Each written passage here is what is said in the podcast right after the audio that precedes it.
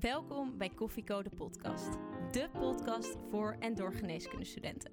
Waarbij wij, gewapend met een kop koffie, voor jou op pad gaan om interviews af te nemen met de leukste, interessantste en meest inspirerende artsen van Nederland. Dit is Koffieko. Hey Ko, ja wat doe je daar? Er staat een carrière voor je klaar. Maar je weet nog niet wat en waar. Een cappuccino maakt het minder zwaar. Dus zet je volumeknop omhoog. Want je luistert Koffieko en je weet het zo. Papa, papa, para, para, para.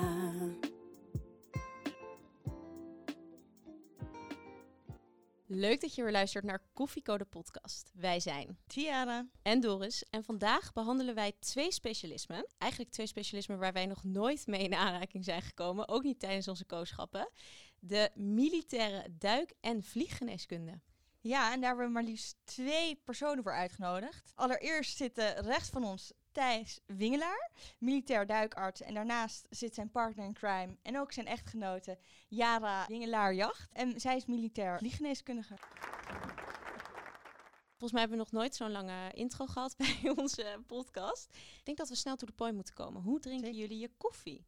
Yara, Een eh, latte macchiato. oké. En eh, Thijs, drink jij met hetzelfde? Eerlijkheidshalve moet ik zeggen, een latte macchiato met hazelnootsiroop. Beetje slagroom en chocolate sprinkles. Maar misschien is gewoon latte macchiato beter. Nou, voordat we helemaal diep ingaan op de specialismen waarvoor we hier natuurlijk zitten, willen we natuurlijk ook eh, meer weten over jullie. En daarom beginnen we vandaag met het doktersdilemma om te, eh, er even wat dieper in te duiken. Het doktersdilemma. Het leven bestaat soms uit lastige keuzes. Denk niet te lang na en geef snel antwoord. Oké, we beginnen met een inkoppertje. Hoog in de lucht of diep in de zee? Dan begin ik met jou, Thijs. Diep in de zee. Nou, hoog in de lucht natuurlijk. Anesthesioloog of chirurg? Oeh, anesthesie. Eh, ik denk chirurgie.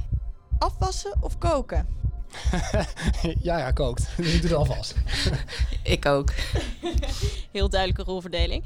Een geweldige baan of geweldige collega's? Oeh, eh, geweldige collega's. Ja, ik ook. Eh, strikt regime of go with the flow? Strikt regime. Strikt regime. Hele leven hard werken of vervroegd met pensioen? Ah, heel hard werken. Vervroegd met pensioen. Introvert of extravert? Extravert. Introvert. Oh. Nou, en dan de laatste, ook belangrijk. Thais of Italiaans eten? Italiaans. Same here. Goed op elkaar afgestemd. Zo, nou, eh, jullie zijn eh, goed op elkaar afgestemd inderdaad. Ehm, en het wat meteen al opviel, waar, Thijs, je moest er om lachen, afwassen of koken. Ik kan wel wat koken, daar niet van. Maar jaren is er echt wel beter in. Maar is het hele huishouden zo traditioneel verdeeld? Of? Nee, wij- wij vechten echt met hand en tand eh, om, om dat niet te doen. Maar uiteindelijk komt het er vaak op neer dat ik de, het vuilnis buiten zet. ja. Misschien kan je een beter antwoord geven. Eh, Ik ben van de input en jij van de output. Oh, kijk. Meteen dat introvert en extravert, hè? daar komt het ook in terug. Dat zeiden jullie toch? Thijs, jij bent de extraverte persoon en eh Jara, jij iets meer introvert. Ja, zeker. Gaan we in dit interview gaan we het wel gelijk houden hoor. Nee, heel goed. Ja. We gaan even terug in de tijd meteen. Ja. Wij willen natuurlijk weten als co-assistent zijnde hoe jullie waren tijdens jullie kooschappen. Ehm, hoe waren jullie als co-assistenten? Jara. Ik vond de kooschappen best wel lastig. eh, omdat je iedere twee, drie maanden of soms zelfs iedere vier weken weer op een nieuwe afdeling terechtkwam. Dat je iedere keer zo moest aanpassen. En tegen de tijd dat je dan een beetje gewend was, dan mocht je ongeveer weer door naar het volgende eh, specialisme. En dat vond ik best wel lastig van de kooschappen. Met name die nieuwe groep mensen steeds eh, mee kennis maken. Eh, verder natuurlijk een hele leerzame periode. Dus ik had er, vond het ook echt wel leuk. Was je tijdens de kooschappen zoals je bent in het normale leven? Ja, maar dat is inmiddels best wel alweer een paar jaar geleden. Dus dat is wel anders dan hoe ik nu ben. Inmiddels eh, werk ik in een redelijk vast team. eh, weet ik een beetje waar ik het over heb en kan ik dat ook makkelijker uitdragen. Waardoor je ook meer het vertrouwen hebt dat je iets kunt zeggen. En dat had ik tijdens kooschappen echt veel minder. Ja, het is wel heel herkenbaar, denk ik, voor ons. Ja, ik, hoor, ik heb het wel eens over met mijn studiegenoten. Dat kooschappen als introvert is eigenlijk iets moeilijker. Omdat je, je bent al op de achtergrond. Je staat al vaak in de hoek of op de kruk. Ehm, en als je dan ook een karakter hebt dat niet zo erg op de voorgrond treedt, is dat best wel lastig. Heb je dat zo ervaren of niet? Ja, zeker. Zeker dus bij die nieuwe groepen. En dat je denkt van ja, ik weet het antwoord wel, maar ik weet het eigenlijk toch niet met de 100% zeker. Ja, 99%. Maar stel dat ik het fout heb, dan heb je toch die afgang. Ehm, dus dan hou je toch maar wat liever je mond. En dat is dan soms lastig om uit de verf te komen. En dat is dan toch ook wel weer iets wat je bij beoordeling terugkrijgt. En dat je denkt, ja, dat helpt dan ook weer niet echt met hoe je je weer zelf um, opzet en uh, tentoonstelt, als het ware. Dus. Thijs, hoe was dat bij jou? Nou, ik ben wat dat betreft toch wel anders dan Jara. Um, waar ik heel extravert ben en uh, denk, nou, ik ben meer van het stralend falen, denk ik. Dus uh, als er een vraag gesteld wordt, ook al weet ik het niet, dan heb ik het gewoon fout. We gaan daar wel gewoon strekbeen in. En dan, dus ik heb wel meer dan eens teruggekregen in mijn 360 graden feedback van, goh, je maakt wel heel veel herrie. misschien moet je dat wat maar minder doen ja, ik zie dat meer als leerervaring. Dus ja, ik, ik vond de kooschappen van super gaaf om met, nou, tussen de dus vier, eh, vier weken en uh, een aantal maanden dat je ergens in de keuken kijkt, alle intriges meekrijgt van uh, welke specialist wie met wie uh, een affaire heeft of de tent uitvecht. Ja, ik, ik vond het allemaal schitterend. Dus ik, ik vond het eigenlijk wel een hele leuke periode. En welk kooschap is jullie nou het meest bijgebleven? Dat is voor mij het oudste, het laatste kooschap. Dus is in mijn geval longziekte geweest. Dat is meest mij, mij meest bijgebleven. Voor jou? Ja, ik denk toch ook mijn oudskooschap. En dat was bij mij neurologie. Maar met name ook omdat je dan toch meer kunt, meer verantwoordelijkheid krijgt. Dat je echt uh, zelf wat, ook wat beslissingen kunt nemen. Natuurlijk wel helemaal op de achtergrond gesport en zo. Maar dat je echt meer het idee hebt van, oh ja, ik ben echt aan het dokteren. Dat hopen wij nog uh, te gaan ervaren. Ja, zeker. Tijdens onze kooschappen zijn we jullie vakgebieden in ieder geval nog niet tegengekomen. Wisten jullie eigenlijk tijdens je kooschap al dat de vlieggeneeskunde en de duikgeneeskunde bestonden? Tijdens mijn kooschap kindergeneeskunde, dat liep toen in uh, Beverwijk, kwam ik een SCH-arts in opleiding tegen. Die deed daar haar stage. En dat was een SCH-arts in opleiding van de landmacht. Dus ik dacht van, oh, kijk, die hebben blijkbaar ook artsen.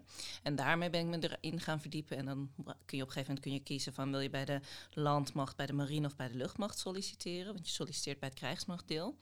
En nou, toen naar wat voorlichting gegaan en uiteindelijk dus gekozen voor de luchtmacht. Juist omdat inderdaad daar ook het stukje vlieggeneeskunde en het luchttransport bij zit. Dus toen pas ben ik ermee in aanraking gekomen eigenlijk. Dat is meer per ongeluk. En Thijs, hoe zat dat bij jou? Ja, voor mij ook, ook per ongeluk. En dat denk ik voor bijna al onze collega's bij uh, de militaire geneeskunde. Uh, in mijn geval was het tijdens mijn oudste kooschap, hè, die 24 weken bij de longziekte. Um, en daar komen we straks vast van op. Maar dat, dat viel me eigenlijk best wel tegen om uh, heel wat redenen. En toen dacht ik, ja shit, ik, ik ga gewoon zo meteen afstuderen na zoveel jaar. En ik weet gewoon nog steeds niet wat ik wil. En ik wilde eigenlijk het hele kooschap ik word gewoon longarts. Ik had het zicht op een opleidingsplek. En, um, en eigenlijk tijdens mijn, mijn hobby duiken, sportduiken, kwam ik een, eh, een oud marinier tegen, dus een, een soldaat bij, bij de marine. En die zei, joh, je kan ook duikarts worden bij de marine. Die liet helemaal gaaf foto's zien die hij natuurlijk op zak had. Want ja, dat hebben die mensen blijkbaar altijd. Uh, en dus uh, nou, dezelfde avond een mailtje gestuurd naar uh, werken bij Defensie.nl. Een maand niks gehoord. Dat had mij een beetje kunnen voorbereiden over hoe dingen bij Defensie soms gaan. Um, maar uiteindelijk afgereisd naar Den Helder. En nou ja, na anderhalf uur was ik verkocht. En dit, dit, is het vak wat ik wil doen. Ik wil duikarts worden. Wow. Ja, ik ben er eigenlijk een beetje sprakeloos van. Voor ons. Grappig dat het dan meteen, meteen raak was. Zo'n moment hoop je als co-assistent namelijk mee te maken. Dat je ergens komt en dat je denkt, dit is het. Nou, ik ging niet bij de luchtmacht met het idee, hier ga ik de rest van mijn leven zitten. Ik dacht eigenlijk, ik ga bij de luchtmacht voor vijf jaar, doe wat gave dingen, uitzendingen, dat soort dingen. En dan ga ik weer terug naar de neurologie om uiteindelijk neuroloog te worden. Alleen die laatste stap is er niet meer van gekomen. En ik denk ook niet dat dat snel nog gaat gebeuren. Dat is meer omdat ik inderdaad nu meer aan het verdiepen ben in mijn vakgebied. En eigenlijk het toch wel heel erg naar mijn zin heb hier. We hebben het nu al een beetje over jullie vakgebied, maar voordat we daar echt diep op ingaan, moeten we natuurlijk wel weten wat dat nou precies inhoudt. Um, kunnen jullie eens een korte beschrijving geven van uh, jullie vak? En dan wil ik beginnen met Thijs, met de duikgeneeskunde. Uh, wat houdt het precies in? Duikgeneeskunde houdt zich bezig met behandelen van duikersziekten. En de meest bekende is daarvan Caissonziekte. Uh, dus dat betekent uh, klachten die voortkomen door drukverschillen of door het opgebouwde stikstof. Dat is, dat de, de ene kant, is de behandelzijde. De andere zijde is vooral preventieve geneeskunde. Zorg die mensen dat niet krijgen. Hè. Dus met, je kunt caissonziekte kun je echt voorkomen met goed beleid. Uh, of met goede training voor duikapparatuur. Of, dus dat, dat, het is tweeledig. Dat is het behandelen van acuut ziektebeelden. Die passen bij duiken. En het voorkomen van die ziektebeelden op, op termijn. En dat dan bij Defensie? Ja, want bij Defensie uh, is het denk ik het, het, vak in de volle breedte uit uh, te voeren. Omdat je daar, uh, je hebt daarnaast onderzeeboten, je hebt duikers die heel diep gaan of heel lang. Ehm, ook mensen die onder druk aan het werk zijn. En dat is anders dan civiel, waarin er slechts een deel van al die vakgebieden aan, zeg maar, aan bod komt. Oké, nou duidelijk. Ja, heel duidelijk. Yara, als jij de vlieggeneeskunde op zo'n Wikipedia-achtige manier mocht uitleggen? Ja, die kun je eigenlijk ook wel uh, verdelen in twee takken. In de luchtvaartgeneeskunde heb je aan de ene kant heb je de tak die zich bezighoudt met de gezondheid van de luchtvarenden. En dan moet je denken natuurlijk in eerste instantie aan de piloten die voorin zitten. Maar je hebt natuurlijk ook bijvoorbeeld uh, loadmasters, dat zijn de mensen die achterin uh, verantwoordelijk zijn voor passagiers, maar ook voor de cargo die je bijvoorbeeld meeneemt. En bijvoorbeeld de luchtverkeersleiders, die moeten gezond zijn om hun taak uit te kunnen voeren. want je kunt je voorstellen, uh, vliegen in de lucht zijn, dat heeft invloed op je fysiologie. In de lucht zijn kan slecht zijn voor je gezondheid, maar andersom, als je een slechte gezondheid hebt en je krijgt een hartaanval in de vlucht, dan is dat erg slecht voor de gezondheid van alle passagiers aan boord. Dus dat is het stukje luchtvaartgeneeskunde wat meer richting het keuren gaat. Dus wij keuren alle luchtvarenden van Defensie, die keuren we jaarlijks of iedere twee jaar afhankelijk van hun functie. En dan kijken we dus naar een aantal dingen als hartziekte, neurologie, om te kijken of zij veilig hun taak kunnen uitvoeren. Aan de andere kant heb je het stukje aeromed effect, dus het transport van patiënten door de lucht. En dat is ook een taak die we als luchtmacht hebben. En die kun je dan ook weer uitvoeren op uh, fixed wing, dus op uh, vliegtuigen, of op rotary wing, de helikopters. En ik ben voor beide taken opgeleid, uh, waarbij je eigenlijk eerst meer je focus op de een hebt dan op de ander. Ik zit nu meer op de luchtvaartgeneeskunde, dus meer op de keuringen. Ik zit ook op ons keuringscentrum. En hiervoor ben ik bijvoorbeeld op uitzending geweest met de Chinook uh, naar Mali voor het stukje luchttransport van patiënten. Wauw. Oké, okay, nou, hier al heel veel over te vragen. ik, ik, wil eigenlijk losbranden, maar uh, voordat we dat gaan doen, vragen we onze gasten natuurlijk hun uh, specialisme te verkopen aan, uh, aan onze luisteraars. En ditmaal hebben we dus twee gasten. Dus ik heb ik heb begrepen dat jullie dit een beetje samen gaan doen. Jara, jij neemt het voortouw. De specialistenpitch. 30 seconden waarin jij de geneeskundestudenten ervan overtuigt om voor jouw specialisme te kiezen. Duik- en vlieggeneeskunde zijn uiterste van het spectrum waarin wij militairen behandelen en begeleiden. Is de wereld binnen de ziekenhuismuren jou niet groot genoeg? Of wil je niet kiezen tussen het zijn van een specialist of een generalist? Dan moet je militair arts worden. Niet alleen kijken we naar de mens als geheel, maar we kijken ook naar de omgeving waarin hij acteert. En dit doen we ook buiten de spreekkamer, bijvoorbeeld op uitzending of met wetenschappelijk onderzoek. Dus waar ga jij voor? De hoogtepunten van de luchtvaartgeneeskunde? Of de diepgang van de duikgeneeskunde? Woehoe. Wauw, die was echt geweldig. Wat een teamwork. Thijs, je had drie woorden. Ja, dat, dat, Gaat het thuis ook zo? Net als thuis, ja. Er waren er vijf. Nee, misschien wel vijf, ja. Maar goed, uh, nee, de zware lasten wordt gedragen door degene met de sterkste schouders. Zoals je, je net eigenlijk al zei, Jara, jullie zaten al, zitten allebei aan het uiteinde van het spectrum. Jullie hebben wel dezelfde, nou gaan we het zo over hebben, vooropleiding gedaan. Um, was het moeilijk om die specialistenpitch te doen over beide vakgebieden? Of gaat er heel veel... Uh, er zit heel veel overlap tussen ja. onze gebieden. Um, want we zijn natuurlijk wel twee uitersten. Thijs kijkt echt naar onderwater, dus naar het effect van een verhoogde atmosferische druk. Terwijl als je de lucht in gaat, verlaagt de atmosferische druk natuurlijk.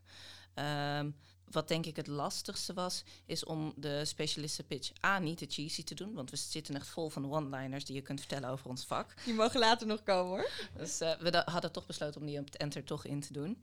uh, maar ook, ja, want naast uh, vliegerarts en duikerarts zijn we natuurlijk ook militair arts. Dus dat probeerden we er toch ook een beetje in te verweven. Want dat hoort er ook bij. Je bent, kunt haast niet alleen maar duikerarts zijn. Want bent toch ook gewoon arts bij Defensie, arts bij de luchtmacht of bij de marine. Dus dat was denk ik het lastigste wat we vonden van hoe, waar gaan we nou het meest op inzetten en hoe gaan we nou een beetje evenredig verdelen. Ja, en dat is denk ik vergelijkbaar met uh, de heelkunde, hè, waarin je een algemene chirurgopleiding hebt en je dan vervolgens trauma of vaat of GE gaat doen. Dat kun je dan niet loszien van zeg maar, de algemene chirurgie die daar ten grondslag ligt. Dus wij, behalve dat we duiker en vliegerarts zijn, zijn we ook gewoon militair arts. Dus je moet het zien als een superspecialisatie van militaire geneeskunde. Maar dat vind ik een hele fijne uitleg, want dat was voor ons zelf ook niet heel erg duidelijk in de voorbereiding naar dit, naar dit interview. Van hoe zit dat nou precies en hoe moet je dat zien? Staat het echt los van elkaar of gaat het een beetje samen? Misschien is het wel goed om dan nu heel even te bespreken over de opleiding. Want als ik het goed begrijp, doen jullie dus eenzelfde soort opleiding. En wanneer komt dat specialisatiepunt dan? Ja, eigenlijk pas na de opleiding. Wat ik zeg, je kiest waar je solliciteert. Dus je kiest voor welk krijgsmachtdeel je uh, wilt gaan. Uh, beginnen we eigenlijk met de KMA, de Koninklijke Militaire Academie. Dat is 20 weken 12 weken. Tien. 10. Ah, het leek veel langer. dus, eh, daarmee, was dat zo zwaar? Ja. Nou, het was vooral heel erg leuk. Achteraf gezien, ten tijde was het soms wel eh, heel zwaar. Eh, maar dat is gewoon een hele gave opleiding waarin je eigenlijk militair wordt gemaakt. Dus je begint met eh, trek je GVT, je gevechtstenu, je vlekkenpak maar eens aan. En dan moet je plotseling ritsjes dicht, veters weg, elastieken in je broekspijpen. Dat je denkt, wat, wat zijn we hier aan het doen? beland? En 's ochtends op appel, dat is ook wel vrij bizar als je net van de universiteit afkomt. Ehm, nou ja, en inderdaad een stukje oorlogsrecht, eh, sporten. Maar ga je dan, ik zie, dan, ik zie meteen voor me dat jullie aan het kruipen zijn over de grond en eh, klimmen in de. Of is dat niet dan in die tien weken? Nou, dat zit er wel bij. Hè. Je hebt wel absoluut een deel, eh, zeg maar, sporten en eh dat worden dus grensverleggende activiteiten genoemd. Hè. Dus dan ga je, we zijn bijvoorbeeld wezen abseilen en dat is voor sommige mensen echt een enorme stap om te maken. Ehm, maar wat voor een militair dokter zo belangrijk is om dat ook mee te maken, is omdat jouw patiënten dat allemaal ook doen. En weliswaar aan een veel grotere stap. Hè. Want in die tien weken KMA, ja, Jaren zei het netjes mooi, eh, je, wordt militair gemaakt. Maar ja, eigenlijk zijn we een beetje een soort dummy-militairen. Ehm, want we hebben ooit een keer op een schietbaan gestaan, een keer met een gasmasker op. Maar dan heb je wel in ieder geval feeling met wat je patiënten aan het doen zijn. En dat is wel van essentieel belang van het zijn van militair dokter. Dat je begrijpt wat die, wat die, wat die man of vrouw tegenover je voor zijn of haar werk moet doen. Oké, ja, dat is een hele goede uitleg. En nog heel even terug op de vraag van... eh, wat, dus je kiest op een gegeven moment van waar wil je solliciteren bij de, nou, de luchtmacht, in jouw geval Jara, Ja. en de marine. In jouw geval, ja, ik zeg het, de termen zitten er nog in. ik wou bijna zeggen de zeemacht. maar daar kies je dan voor. En vervolgens, hoe lang duurt de opleiding tot het superspecialisme, superspecialisme dan nog? Nou, dus na die tien weken KMA eh, gaan we twee jaar de AMA-opleiding in, dus de Algemeen Militair Artsopleiding. En die doe je samen met de artsen van de andere krijgsmachtdelen die op, in diezelfde lichting opkomen. Dus dat is een algemene opleiding met wat huisartsgeneeskunde, eerste hulp, ehm, eh, wat cursussen. En dan als je daarmee klaar bent, ga je eigenlijk pas naar je eigen krijgsmachtdeel toe. En daar begonnen dus ook de opleidingen tot eh, bijvoorbeeld bij mij inderdaad eerst de MEDEVAC-opleiding, de luchtvaartgeneeskundige opleiding. Dan ga je de taak doen waarvoor de luchtmacht je heeft aangenomen. Ja, in jouw geval was het natuurlijk een uitzending die op de, op de rol stond. Hè. Jij, zeg maar, je was geplaatst en was de boodschap van ja, je gaat gewoon binnenkort weg. Ja, in 2015 waren we klaar met de opleiding. En in 2016 ben ik op uitzending gegaan. Wil je ons daar iets meer over vertellen? Over die uitzending? Want je was dus net soort van eh, klaar met je opleiding en je wordt meteen uitgezonden. Nou ja, de- en daar ben je dus dan helemaal voor opgewerkt, of, eh, oefeningen gedaan, cursussen gedaan, nog met elkaar getraind. Eh, zodra je echt weet met wie je op uitzending gaat, ga je ook als crew terrenen. En toen ben ik dus inderdaad oktober 2016 op uitzending gegaan naar Mali met een eh, Chinook-detachement. En hoe heb je dat ervaren? Fantastisch. Ja? ja, ja, op uitzending gaan is echt heel leuk. Het is echt wel bizar. Waarom? Het lijkt me sp- ontzettend spannend. Nou ja, dat, ja, het idee misschien wel, maar heel eerlijk, als de dokter er niet is, dan heb je een uitdaging. Dus eh, je moet je voorstellen, ik weet niet, een Chinook is een vrij grote helikopter. En wij waren dan mee voor het luchttransport van eh, patiënten, vooral als bijvoorbeeld mensen op een bermbom waren gereden, dat soort dingen. Als we ergens naartoe gingen, en dan mocht ik pas de kist uit als er vier mensen daarmee oké waren. Dus er gingen, ze gingen eerst vier bewapende Duitsers naar buiten om te kijken of de buurt veilig was. En dan stonden die in een cordon, terwijl er nog een Apache, een gevechtshelikopter, rondjes vloog boven ons om de boel in de gaten te houden. Pas als die ermee akkoord waren, mocht ik de kist een keer uit. En dan mocht ik mijn patiënt ophalen en snel weer de kist in. Dus Je bent Eh. echt een VIP eigenlijk. nou ja, ik ben geen gevechtskracht. Ik kan wel schieten. Ik heb ook mijn opleiding gedaan. eh, zeker voor de uitzending heb ik ook nog leren schieten met een colt. Dus ik kan wel iets. Stoere dame hier aan tafel. Dus spannend. Je zit inderdaad wel in een gebied waar het niet 100% veilig is. Maar ik heb me niet... ehm, geen angstige situaties of zo Ja, meegemaakt. en ik denk ook wel. eh, ik, ik denk natuurlijk als je ook zeg maar partner, maar ook collega. eh, toen, toen jij hoorde van ik ga op uitzending, was mijn eerste reactie: oh, wat super gaaf. Wanneer ga je? Terwijl je familie zei: oh jeetje, wat erg. Is dat niet heel gevaarlijk? Weet je, dus het is, eh, ja, misschien word je ook wel langzaamaan verwrongen als je bij Defensie ziet dat het heel gaaf. Maar weet je, ik zie ook vooral de, de leuke kanten van zo'n eh, van een hele gaaf periode in jouw leven. Want jullie waren dus, eh, sorry, even, dit kwam heel even tussendoor. Jullie waren dus al samen, eh jij op uitzending ging jaren. Ja, we hebben elkaar leren kennen op de KMA, op die tienweekse opleiding. Daarom moesten jullie net zo lachen bij... eh, Ja, KMA? rumble, rumble in the jungle. Ja. Nou ja, je moet je voorstellen, bij die KMA zit je eigenlijk tien weken, slaap je intern. Dus je doet alles met elkaar. We zaten met een groep van twintig mensen. En je, je zit door dik en dun ben je met elkaar. Dus ja, dat, eh, toen is de vonk inderdaad overgesprongen. Leuk. Het is nooit meer uitgegaan. Mooi. Nee, nee. Twee eh, kinderen erbij. Twee kinderen erbij. En toen ik op uitzending ging, dat was oktober 2016. In juli 2016 waren we getrouwd. Dus eh was inderdaad drie maanden daarna mocht ik op uitzending. En dat is ook wel weer het bizarre van uitzending. Aan de ene kant het mooie, maar ook wel het bizarre. Op uitzending is het thuisfront echt minder relevant. Want je bent daar met je postzegeltje met de mensen waarmee je werkt. Dus dat is jouw leven op dat moment. En ondanks dat we eigenlijk net getrouwd waren, op een gegeven moment had Thijs een cursus die niet zo lekker liep of zo. En dat ik echt zoiets had van... Ja, daar kan ik nu even zo niet zoveel aan doen, want ik zit hier. Dus Ja. ehm Je Hoe leeft in een was je op bubbel. uitzending? eh, drieënhalve maand. Dus ik heb daar van oktober tot eh, net na de kerst, eh, of net na oud en nieuw gezeten. Ja, laten we dan maar meteen doorgaan op jouw specialisme. Het is voor de, voor, de, voor de luisteraar misschien makkelijk als we het even opsplitsen in twee delen. En je hebt nu natuurlijk verteld alleen over de uitzending.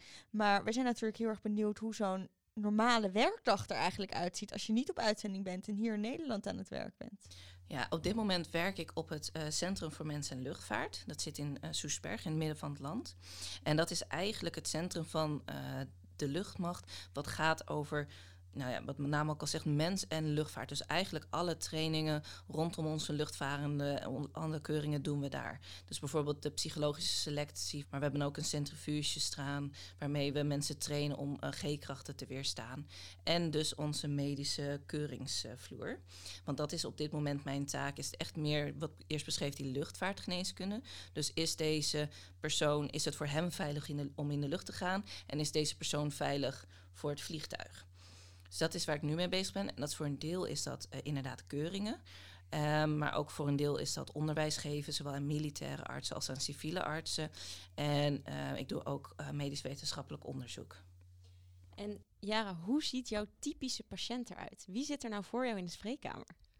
Oeh, dat wisselt nog wel eens. Ehm, we hebben natuurlijk heel veel vliegers. Er is eigenlijk niet echt een typisch persoon anders dan dat iedereen vrijwel gezond is. Ja, we zijn wel dokter, maar we, zijn, we zitten echt op de preventie.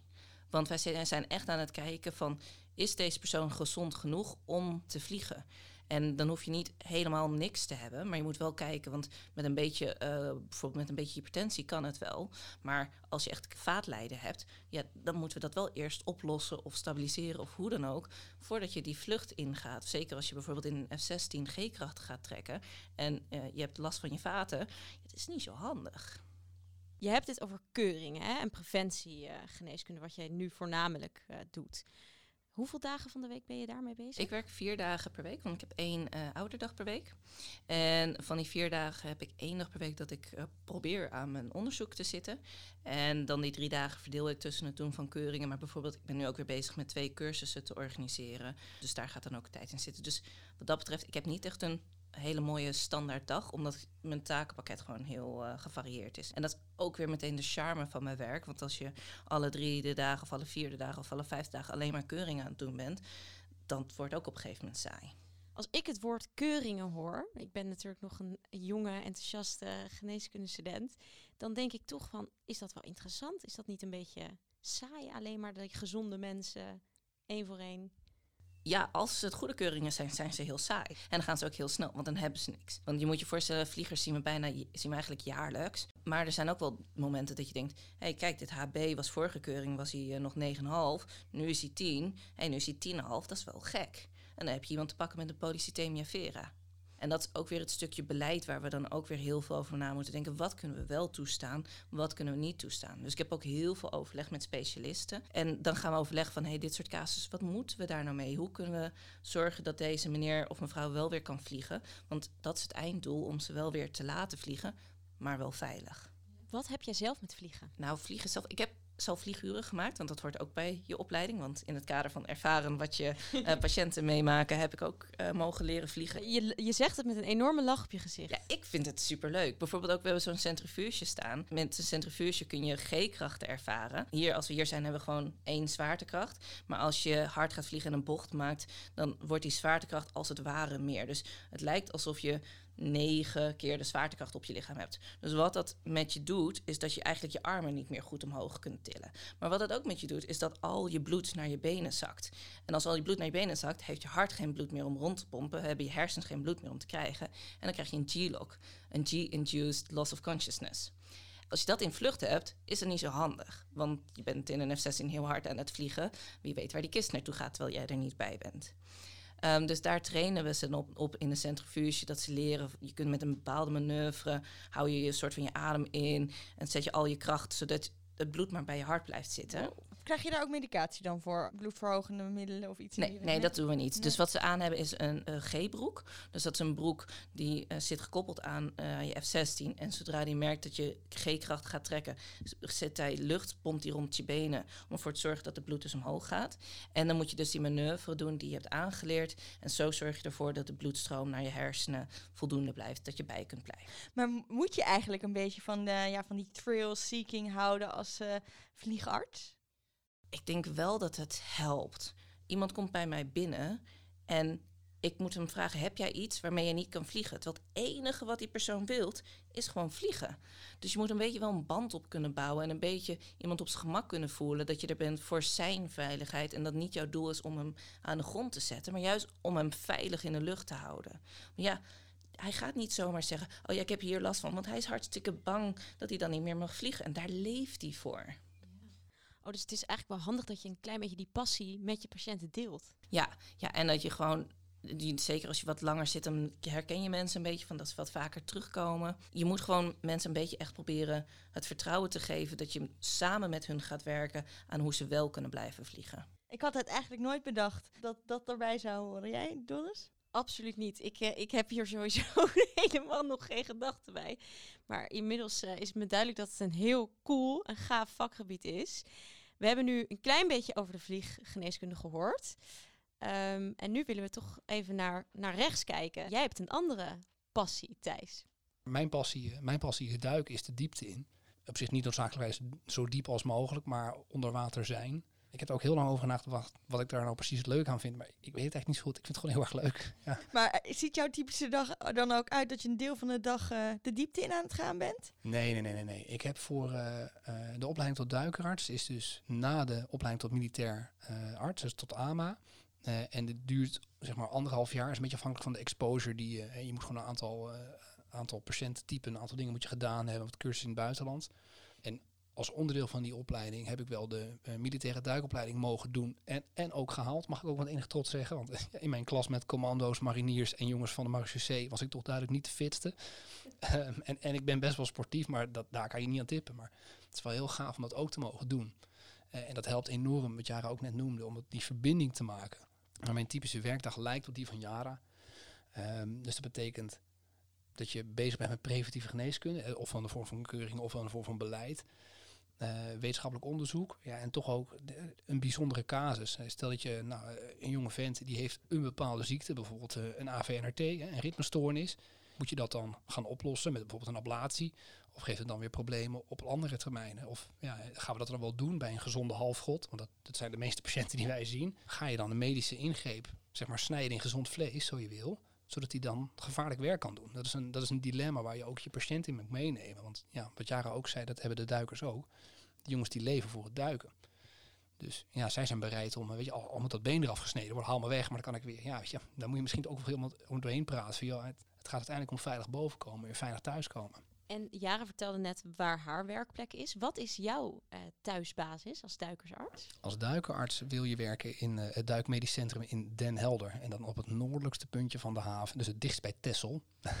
en dat is gewoon niet het middelpunt van Nederland. Ja. De afgelopen jaren heb ik heel veel intern op de kazerne in Den Helder geleefd. Het is wel een leventje, ja. Ja, dat, dat, dat krijg je er wel bij cadeau. En wat zijn eigenlijk de ziektebeelden die je er zo al ziet uh, als duikersarts? Nou ja, als duikerarts hoop ik ze nooit te zien. Ja, hè, maar de, specifiek duikgeneeskundige diagnostiek. Er zijn eigenlijk een aantal diagnoses. De eerder eh, genoemde decompressieziekte of Caissonziekte. Dus dat is een, een probleem was, eh, als er te veel stikstof in een lijf is op, eh, opgeladen. En dat geeft een, een, een veelvoud aan klachten, afhankelijk waar dat dan zit. Ehm, variërend van gewrichtklachten tot complexe neurologie. Je hebt arteriële gasembolieën. Dus dat betekent door overdrukletsel van een long dat er luchtbellen in een bloedvat komen. En als die in je hoofd vastlopen, heb je het beeld van een, van een infarct. Eh, dus eigenlijk acute neurologie bij iemand die... eh, dat krijgt binnen seconden na een duik optreden. Ehm, we hebben er een indrukwekkende casus van gehad. En die videobeelden zijn wel te vinden op internet. Omdat het in een trainingssetting eh, was. Waarin een gezonde vent een opstijging ziet maken. Daar maakt hij een procedurefout. Hij ademt niet uit tijdens het opstijgen. En die is zeg maar parapleeg aan, aan de oppervlakte. Ja, dat is best heftig. Ehm, maar ja, ja, dat, dat is dan wel misschien wel het mooiste moment in mijn duikerartscarrière. Dat je een, was een hele gezonde marinier. Eh, en die, die komt boven, parapleeg. En hij was zijn visus was die inmiddels was verloren.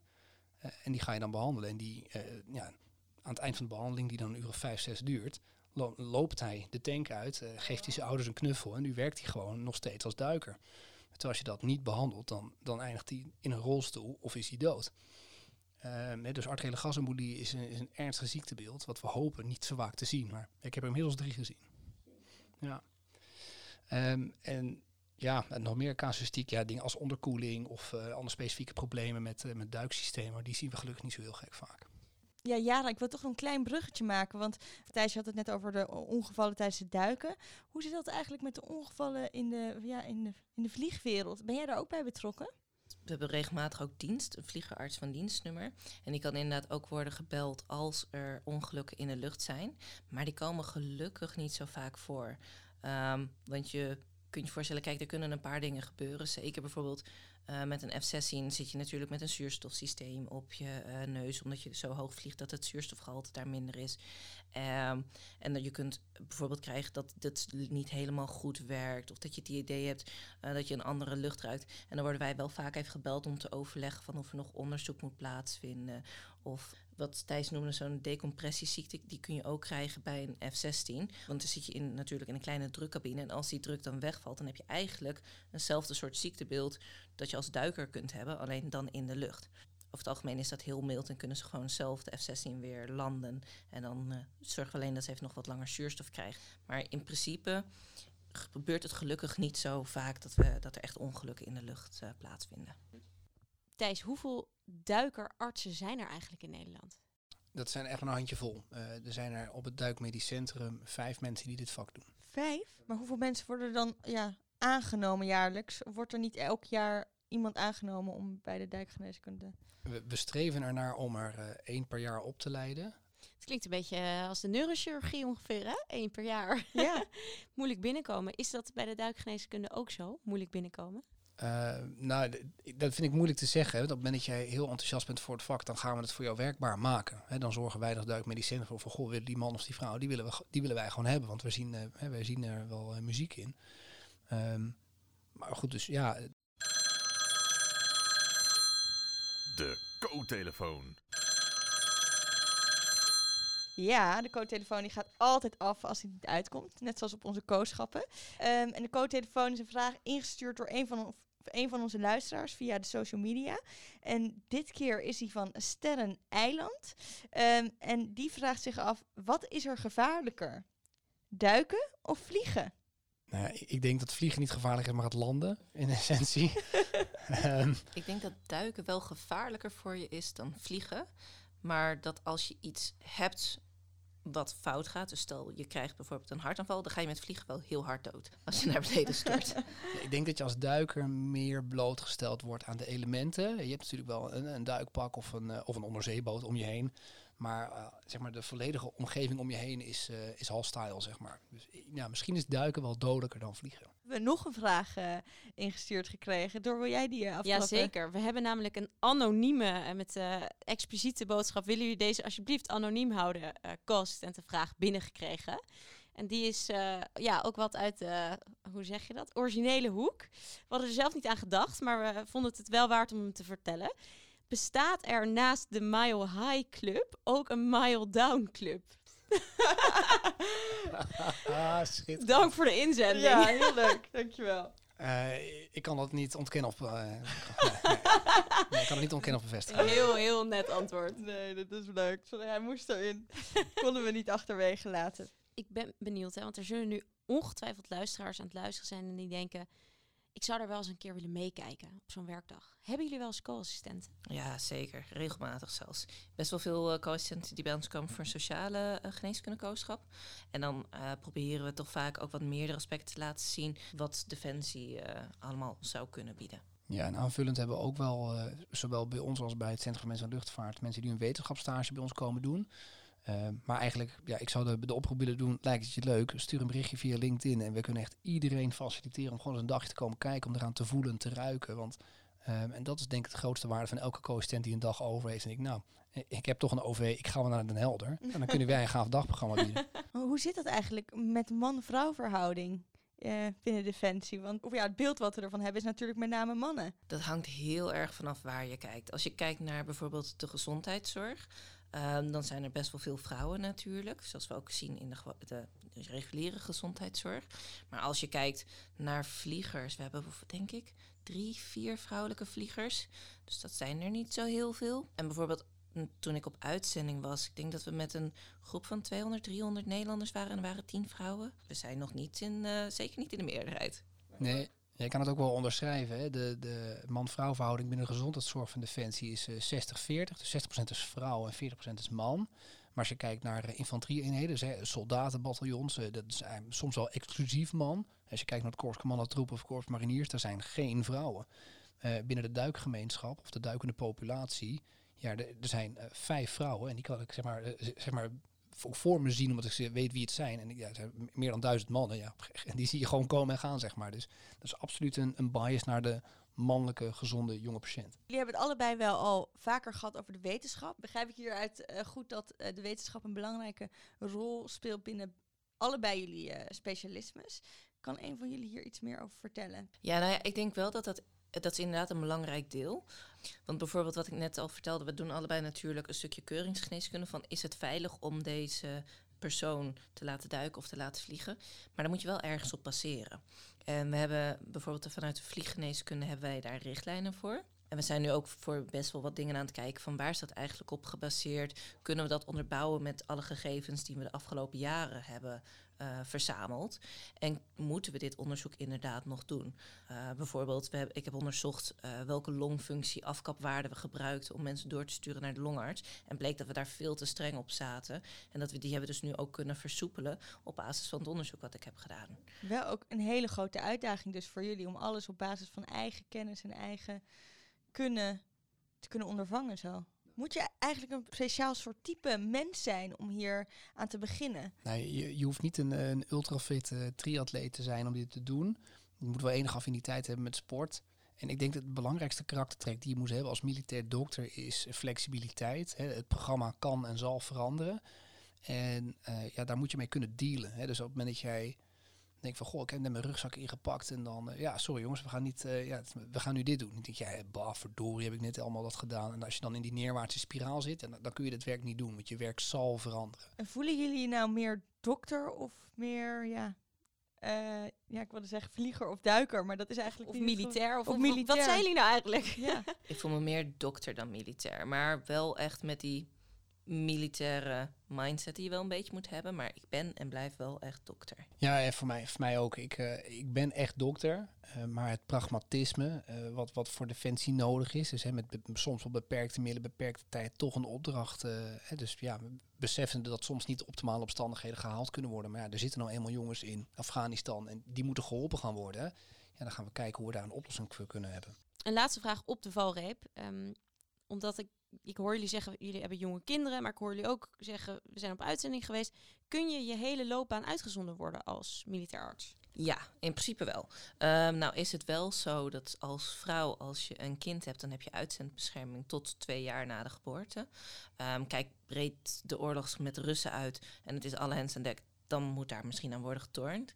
Uh, maar in principe je hele loopbaan kun je uitgezonden worden. Nou is het wel zo dat in de niche van de artsen uh, er vaak wel dingen te regelen zijn als het voor iemand bijvoorbeeld niet goed uitkomt of als iemand anders juist wilt. Ehm, maar het is en blijft altijd wel een mogelijkheid, want we zijn militair. En als militair kun je gewoon uitgezonden worden. Ja, en ondanks dat de medische dienst van Defensie een eh, misschien wel iets minder hiërarchische organisatie is dan, dan zeg maar de reguliere defensieorganisatie, ja, is gewoon hiërarchisch. En op het moment dat onze regering besluit dat we naar Mali gaan, nou, dan gaan er dus nu collega's uh, gezocht worden. En als die er niet zijn, aangewezen worden. Van die, het moet toch gewoon gaan gebeuren. Dit is de opdracht die wij hebben als Defensie.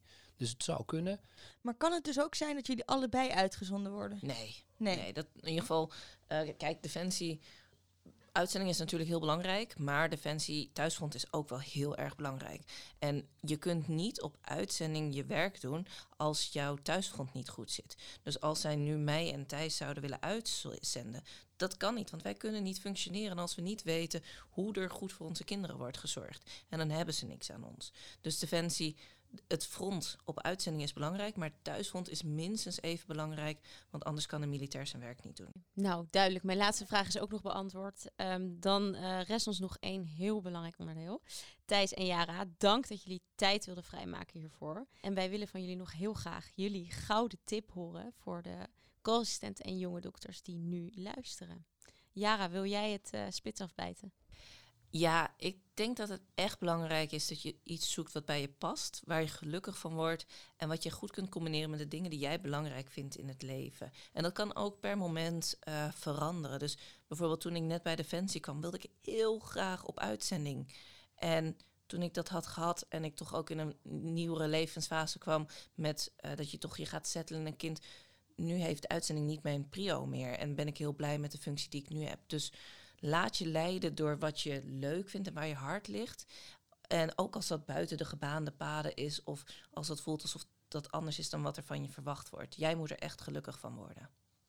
Een hele mooie tip. Ja, en ik kan het uh, natuurlijk uh, alleen maar met jou eens zijn. Ik zou het willen aanvullen met durf ook terug te komen op een eerder genomen beslissing. Hè. Ik stond al met één been in de longgeneeskunde. Ik had die opleidingsplek. Ik dacht, oh, dit moet ik gewoon gaan doen. En toch op de valreep ging ik twijfelen. Ik, moet het, ik moet het niet doen, het voelt niet goed. En ook als je AJOS bent of al een tijd uh, bezig bent om een plek op te komen. Je denkt, ja, maar dit, dit past eigenlijk niet bij mij. Hou niet vast aan, uh, weet ik veel, die witte jas of, of, iets omdat het gaaf klinkt op een feestje. Maar doe gewoon datgene waar je, waar je hartje sneller maar gaat kloppen. En voor mij is dat duiken. En voor jou is dat vliegen. En misschien is het over tien jaar wel iets anders. kom er dan op terug en ga iets anders doen wat je ook leuk vindt. Wauw. Twee hele mooie tips. Die steken wij in onze zak en uh, luisteraars hopelijk ook. Hé, hey, maar ja, vertel nog even over die uitzending. Je hebt midden in de nacht in Mali een vent afgevoerd. Dat hebben we nog niet gehoord. Nou ja, dat, wat ik al zei, ik was in Mali voor het patiëntentransport met de Chinook. En uh, dat houdt dus in dat je, uh, als je patiëntentransport doet met een helikopter, dan heb je een team van een arts en een verpleegkundige, waar je echt, echt met elkaar traint om op elkaar ingewerkt te raken. En dan ben je op uitzending en dan heb je om de beurt, want je zit met twee teams daar, heb je de dienst. En op een gegeven moment, uh, ik lag in bed, het was al redelijk richting het einde van mijn uitzending. En de pieper ging s'nachts om één uur. Echt wel een rot tijdstip, want ik lag dus net te slapen. En dan kom je dus uit die diepe slaap, hoor je medeffect, medeffect, medeffect. Dat je denkt, dat ben ik. En nou ja, nou ja, snel aankleden naar buiten. En dan komt er iemand naartoe. Jara, ze zeggen dat we een ventilator nodig hebben. Je denkt, Oh, dat betekent dat die patiënt moet gaan beademen in de vlucht. Oh jee. Dus dan nog snel met je collega dingen doornemen van wat kan ik nou het beste doen, waar moet ik rekening mee houden. Naar de helikopter, snel opstijgen, want dan ga je gewoon heel snel de lucht in. En je kunt je voorstellen, we vliegen dan met een Chinook en een Apache erbij als uh, ja, soort bewaking. Um, een Apache is de gevechtshelikopter en een Chinook meer de transporthelikopter. En daar vlogen we naar het kamp van de Togelezen, want een Togelees zou zichzelf in uh, zijn arm hebben geschoten. Togelees was een van de NATO-groepen die daar uh, ter plekke was. Dus we gaan daar naartoe. Helikopter uit, was op een kamp, dus mocht eigenlijk meteen naar buiten. En uh, in de ambulance zat de Togolees. Hij zat er gewoon rechtop, was alert, ademde. Ik denk, dat is heel fijn. Dus uh, korte overdracht, um, in principe stabiel, dus meegenomen in de helikopter. Leggen hem neer op een brancard, gaan alle dingen aansluiten. We gaan de lucht in en ik kijk nog een keer naar hem en hij doet het niet meer. Hij reageert niet meer. Ik voel geen ademhaling, want je hoort geen ademhaling, dus die moet je voelen met je handen op de borst. En je moet je voorstellen, een Chinook, we voeren geen lichten in de nacht. Want anders ben je zo'n mooie vliegende kerstboom die door de lucht heen gaat. Dus het enige licht wat ik had was het licht van mijn monitor. Een heel klein vingerlampje met een gitzwarte togelees die in mijn donkere helikopter lag. Dus ja, je beoordeling is ook wel... Um, zeer houtje touwtje. Mijn monitor zei dat hij nog wel redelijk deed. Zijn saturatie bleef wel oké. Hij gaf aan dat hij nog wel wat output had. Maar ja, we zijn op een gegeven moment toch maar gaan bijademen. eh, met ballonbeademing dan. En toch maar kijken van wat kunnen we doen. Gelukkig heel kort vluchtje. En aan het eind van de vlucht reageerde hij toch een beetje op echt een heftige pijnprikkel. Dus echt raspen over zijn sternum. En dan deed hij iets.